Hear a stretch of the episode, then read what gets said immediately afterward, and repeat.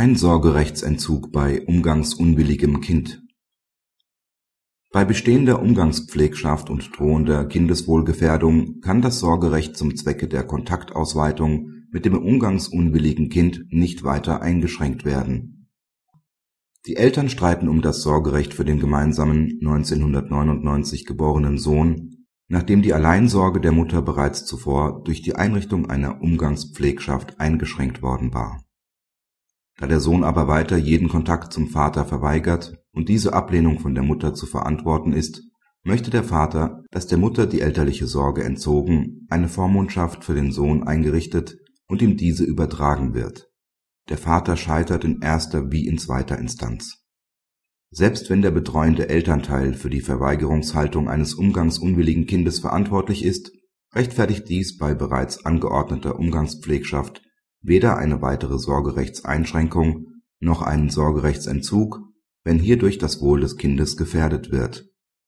Der Umgangsberechtigte kann mit einem solchen Antrag keine Ausweitung der Umgangskontakte mit dem Kind erzwingen. Das Kindeswohl steht im Vordergrund.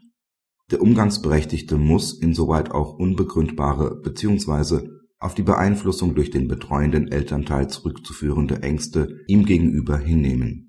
Es gelten hier dieselben Kindeswohlüberlegungen wie sie das Bundesverfassungsgericht für den Fall des umgangsunwilligen Elternteils aufgestellt hatte, der ebenfalls nicht zwangsweise zum Umgang verpflichtet werden konnte.